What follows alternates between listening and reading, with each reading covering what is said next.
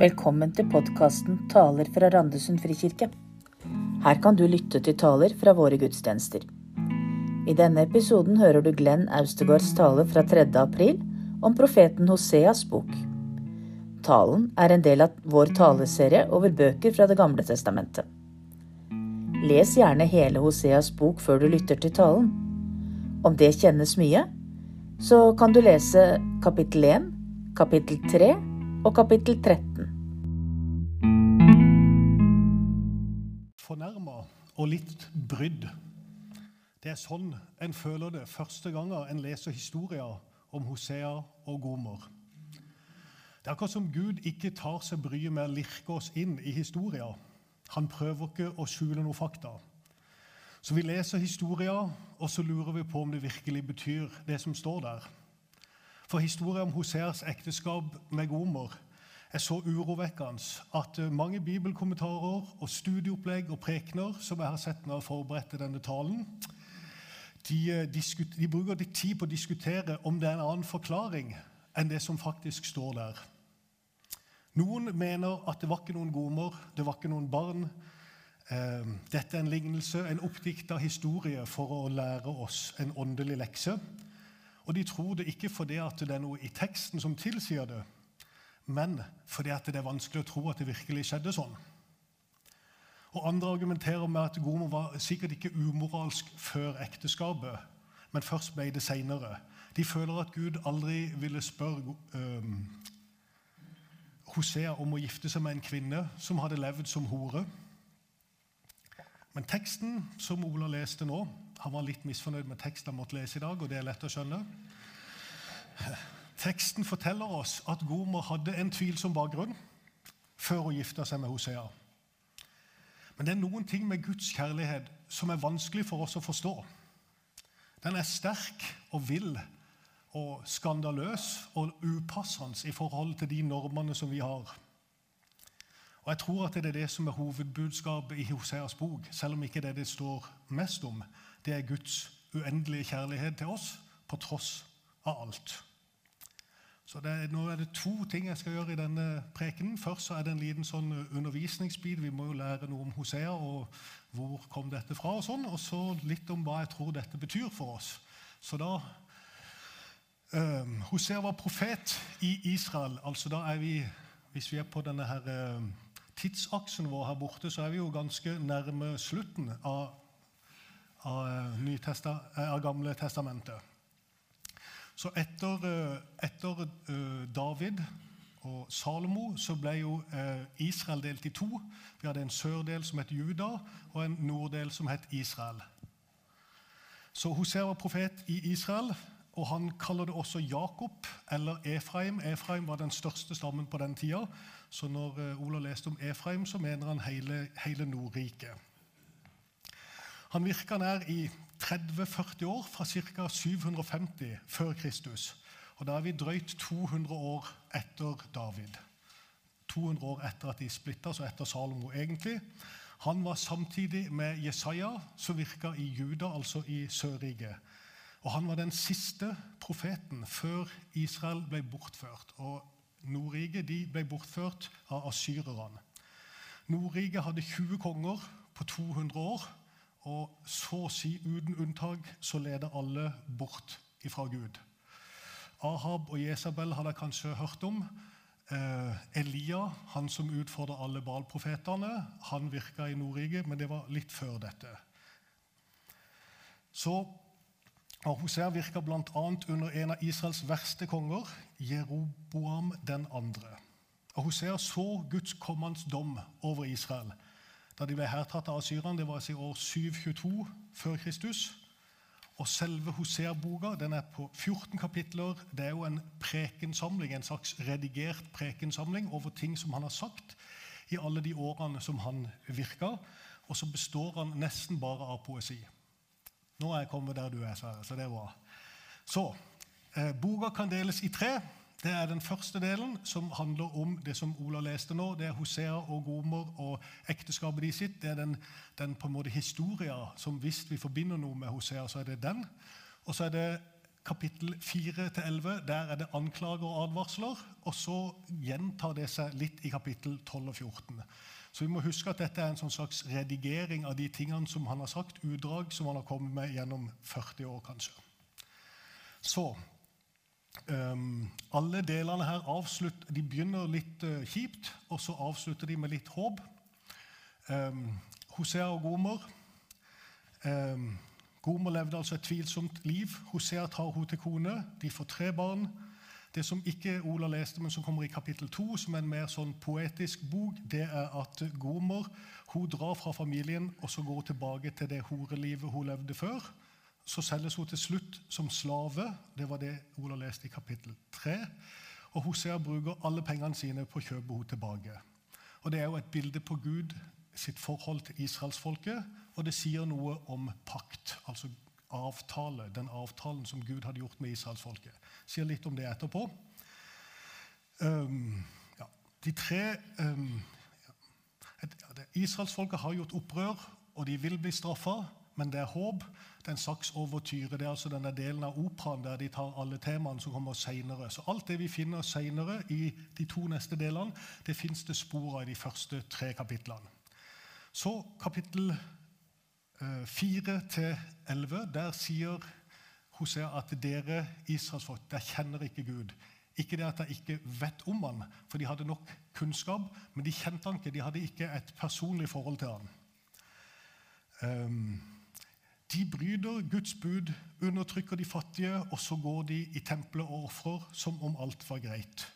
Folket er hyklere, de tilber andre guder, de tilber Bal, og de stoler på at de politiske alliansene de har, enten med Egypt eller asyrerne, at det er det som skal redde dem hvis ting går dårlig. Så kommer vi til kapittel 11. Det var det du Olav leste først ifra. Altså Gud som ser på Israel kjærlig som sønnen sin. Um, men folk gjør opprør, og Gud viser ganske mye følelser. Først er han rasende på dem, og så er han litt lei seg og trist, og så er han medlidende. Altså, hvordan kan jeg oppgi deg, Efraim, overgi deg, Israel? Hjertet vender seg i meg, all min medlidenhet våkner. Så kapittel 12-14. Da er vi på liksom andre runder med anklager og advarsler. Da starter han med å fortelle om Israels gjentatte um, opprør. Eh, han starter med Jakob, som var en luring og en løgner. Det var liksom opphavet. Det er jo han som er Israel, det er jo han som er på en måte stamfaren de sin. Og så går han videre til å snakke om når de var i ørkenen under Moses, og så gjorde de opprør under han. Og at de da valgte seg en konge. Dette har vi vært gjennom når vi snakker om Samuelsbøkene.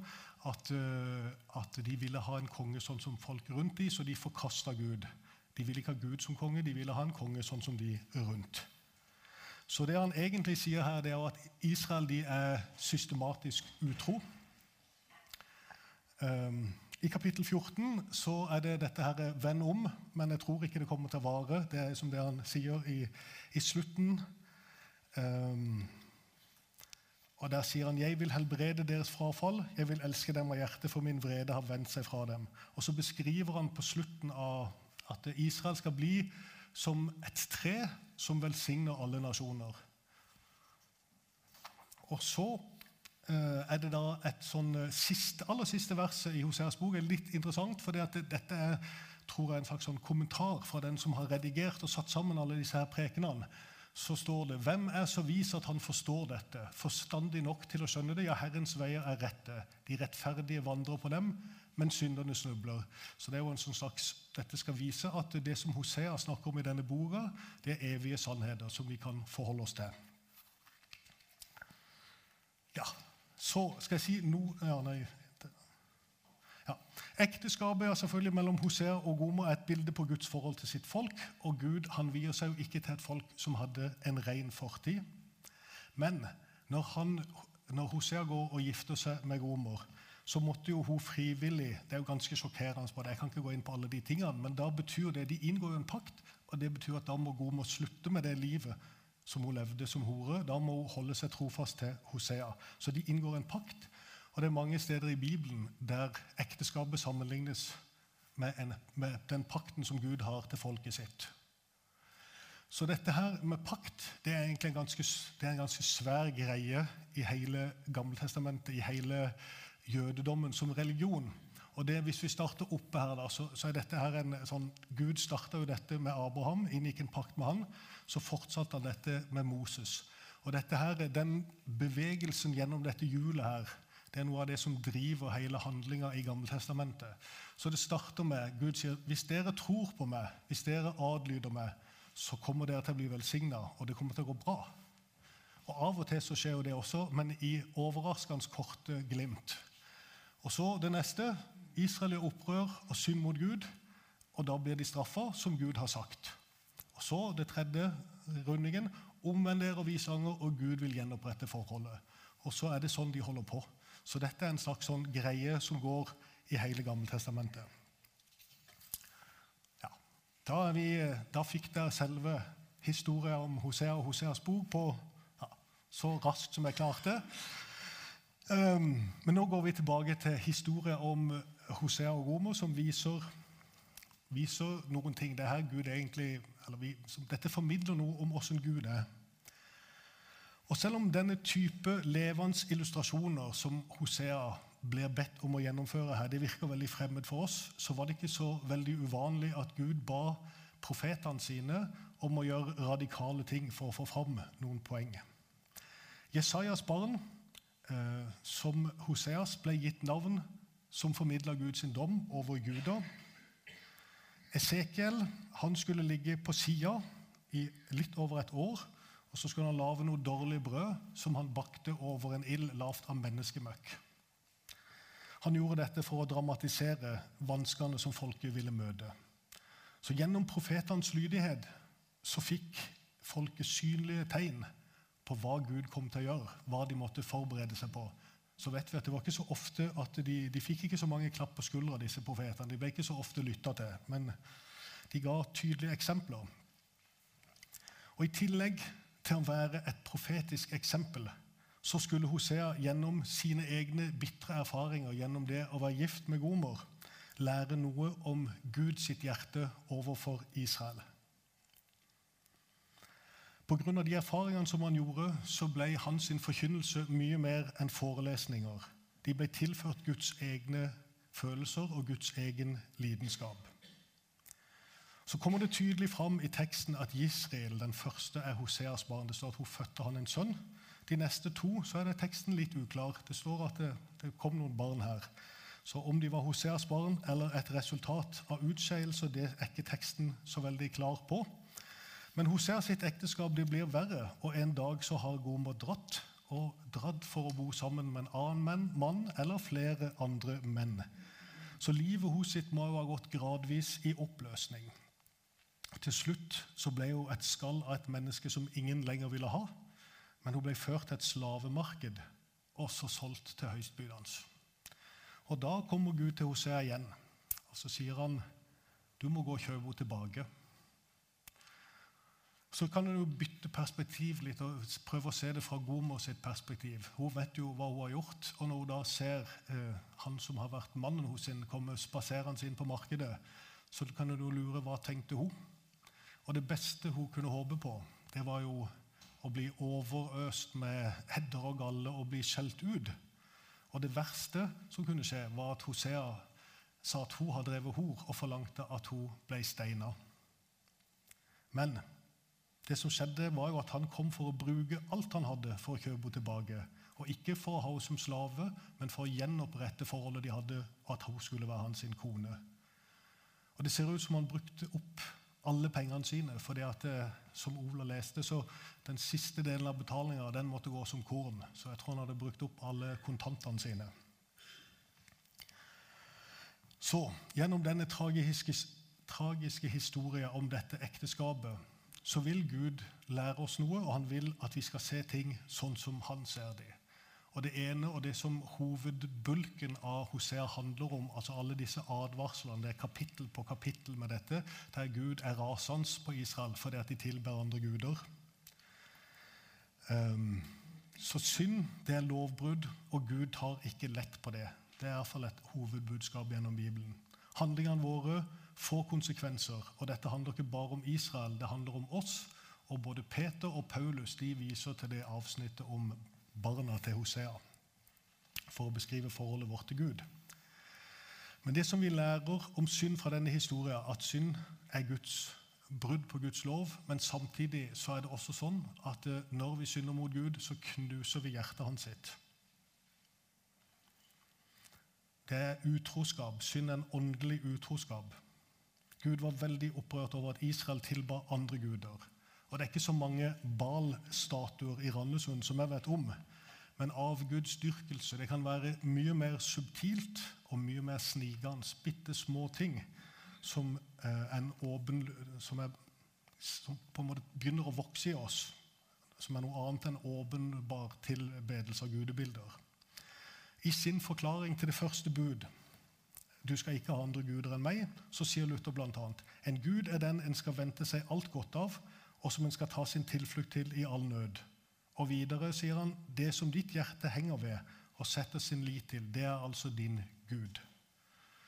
Dette er også fra Luther. Den som har gods og gull, han føler seg sikker. Han er så glad og fornøyd som han satt midt i paradis. På samme måte er det med den som stoler på at han har stor innsikt, klokskap, makt, innflytelse, vennskap og ære. Han har også en Gud, men ikke den eneste sanne Gud. Det som du stoler på skal bære deg gjennom en krise, det er din Gud. Og hvis det du tilber eller tjener, er noe annet enn den sanne Gud, så driver du med avgudsdyrkelse. Og I Matteus 10 eh, så sier Jesus, og dette er ganske brutalt, men vi må, vi må vite det er på en måte mm, Gud er litt sånn misunnelig. Gud forlanger å ha førsteplassen i vårt liv. Han vil ikke dele den med noen andre. Men i Matteus 10 så sier Jesus den som elsker far eller mor mer enn meg, er meg ikke verdig. Den som elsker sønn eller datter mer enn meg, er meg ikke verdig. Og den som ikke tar sitt kors opp og følger etter meg, er meg ikke verdig. Han vil være på førsteplassen så, så, vet vi at det står noen ting i Bibelen om å elske vår neste, at vi skal ta oss av barna. Så det, ikke, det må ikke leses sånn. Men noe av det som er så ødeleggende med synd, er at vi gir kjærligheten og oppmerksomheten som Gud skulle ha, til noe annet. Synden er et brudd på det forholdet vi skulle ha til Gud, og det som vi er skapt til. Og Denne historien viser oss hvor krenkende og ødeleggende vår synd er, Hvordan følte Hosea det gjennom disse rundene med Gomer? Men han viser kanskje enda mer hvor skandaløs Guds kjærlighet er.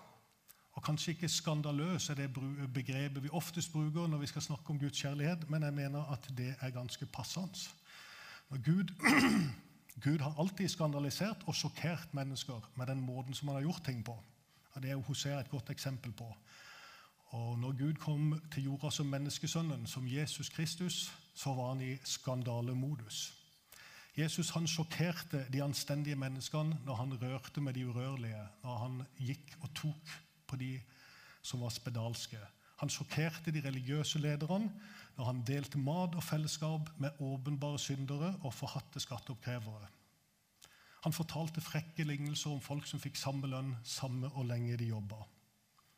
Og I Lukas er det en historie om Jesus som, som sjokkerer fariseeren Simon i hans eget hus. En syndig, umoralsk kvinne, kanskje ikke så ulik Hoseas kone, kom inn i selskapet som Simon holdt. Hun salva Jesus sine føtter, vaska de med tårene sine og tørka de med håret sitt. Og Simon han tenker i sitt stille sinn han her kan ikke være noen profet. Da hadde han visst at dette er ei hore som er, er der sammen med han nå. Hadde han vært en ekte profet? Hm, ja. Så det som ligger under, det er at en gudsmann, en sann gudsmann vil ikke ha noe å gjøre med de som er utstøtt, med de som ikke oppfører seg bra. Men vi må kanskje være forsiktige noen ganger med å gjøre antagelser om Gud. For Jesus han var mer enn gudsmann og mer enn en profet. Han var og er Gud sjøl. Han visste alt om denne dama, men han elska henne uansett. Og faktisk så elska han henne så høyt at mens hun grein over føttene hans, sine, så planla han å gå i døden for henne. For en skandale hele denne scenen var for Simon. Hvordan kunne Gud elske en sånn kvinne så intenst? Dette var ganske rystende for ham. Jesus han sjokkerte også sine egne disipler med sin kjærlighet utenfor Samaria. Da snakka han med en kvinne Og ikke bare en kvinne, men en samaritansk kvinne. Altså Som en jødisk mann så burde han ikke snakke med damer. Som en jøde burde han ikke snakke med samaritanere. Så dette var jo dobbeltfeil i utgangspunktet. Og som eh, dere helt sikkert husker fra bibelhistorien, så var jo ikke bare en samaritansk kvinne fem ganger skilt og nå samboer. Men der kommer disiplene tilbake etter å ha prøvd å finne et eller annet. Så finner de Guds sønn i dyp åndelig samtale med den dama som sannsynligvis hadde det dårligste ryktet i hele Samaria. Og han var ikke det minste flau over å bli sett sammen med henne. Der med brønnen utenfor Samaria så tilbyr Jesus seg sjøl til denne kvinnen som levende vann. Til hans nærmeste venners overraskelse så elsker Jesus denne syndige kvinna i Samaria. Gud han, eh, han bobler jo over av følelser i de gamle profetene. og Noen ganger er det litt skremmende og litt uforståelig. Men drivet bak de sterke ordene og de domsgreiene det er det at han vil vårt beste, og han elsker oss. Han er ikke en kald fisk som er upåvirka av det vi gjør. De tingene, Når jeg handler feil, så påvirker det Gud. Han er kjærlighet.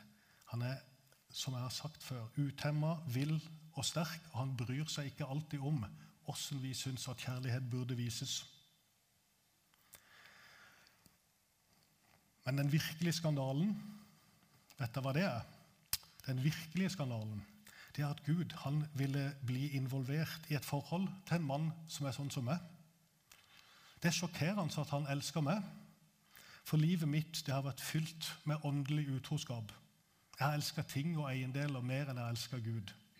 Jeg har oppsøkt synd og handla helt bevisst imot det jeg visste Gud sa var rett. Jeg har gjort hjertet mitt hardt overfor folk som trengte hjelp. Jeg har fornekta, jeg har bedratt, jeg har avvist kjærligheten fra Gud noen ganger. Noen ganger har jeg ikke brydd meg om den i det hele tatt og noen ganger har jeg anklaga han for å ikke bry seg om meg. Han har opplevd gang på gang at jeg er utro. Og det er klart, Den måten som jeg behandler Gud på, den må jo knuse hans sitt farshjerte. Men det utrolige i dette er at han fortsatt elsker meg. Han skammer seg ikke over å kalle meg sin sønn. Jeg ser vågnud fortsatt. Jeg går på siste side av et eh, langt manus nå, så vi går inn for landing snart. Forholdet mellom Hosea og Gomer det synliggjør også en annen side med Guds kjærlighet. Og det er den som ikke gir opp, på tross av skuffelser. Den som alltid er der, og den som alltid oppsøker. I kapittel 3, etter at Hoseas hjerte har blitt knust, etter han er blitt lurt og forlatt, så ber Gud han om å begynne på nytt igjen. Så Gud han viser dybde og han viser standhaftighet i hans kjærlighet til folket sitt. Og Hosea han gjør sånn som Gud gjør. Han forfølger sin elskede. Han sporer Gomer opp på slavemarkedet. Han er den som gir alt han har, for å kjøpe henne tilbake. Gud er kjærlighet. Dette er jo et av Bibelens korte og veldig kjente vers i 1. Johannes. Og det, Vi er så vant med å høre det at det, det, er egentlig det der, Hvor sjokkerende og skandaløst det egentlig er, det, det, har vi nesten glemt. Det er noe i Guds vesen som nærmest tvinger han til å handle, til å oppsøke det som er tapt. Lukas 15 inneholder tre lignelser om en Gud som leider og ikke gir seg. Det er sauen som ble borte, det er sølvmynten som ble funnet igjen, og det er sønnen som kom hjem, det vi før kalte den bortkomne sønnen. Hyrdebildet av Gud det går gjennom hele Bibelen, fra Moses til David og til slutt til Jesus, som kaller seg den gode gjeter. Og for et fantastisk bilde av Gud, vår far. Jesus kom til jorda som den store hyrden for å spore opp alle de tapte sauene. Han forfølger oss, og han kjøper oss fri. Og han brukte alt han hadde. Han brukte blodet sitt, han ga livet sitt for oss på korset.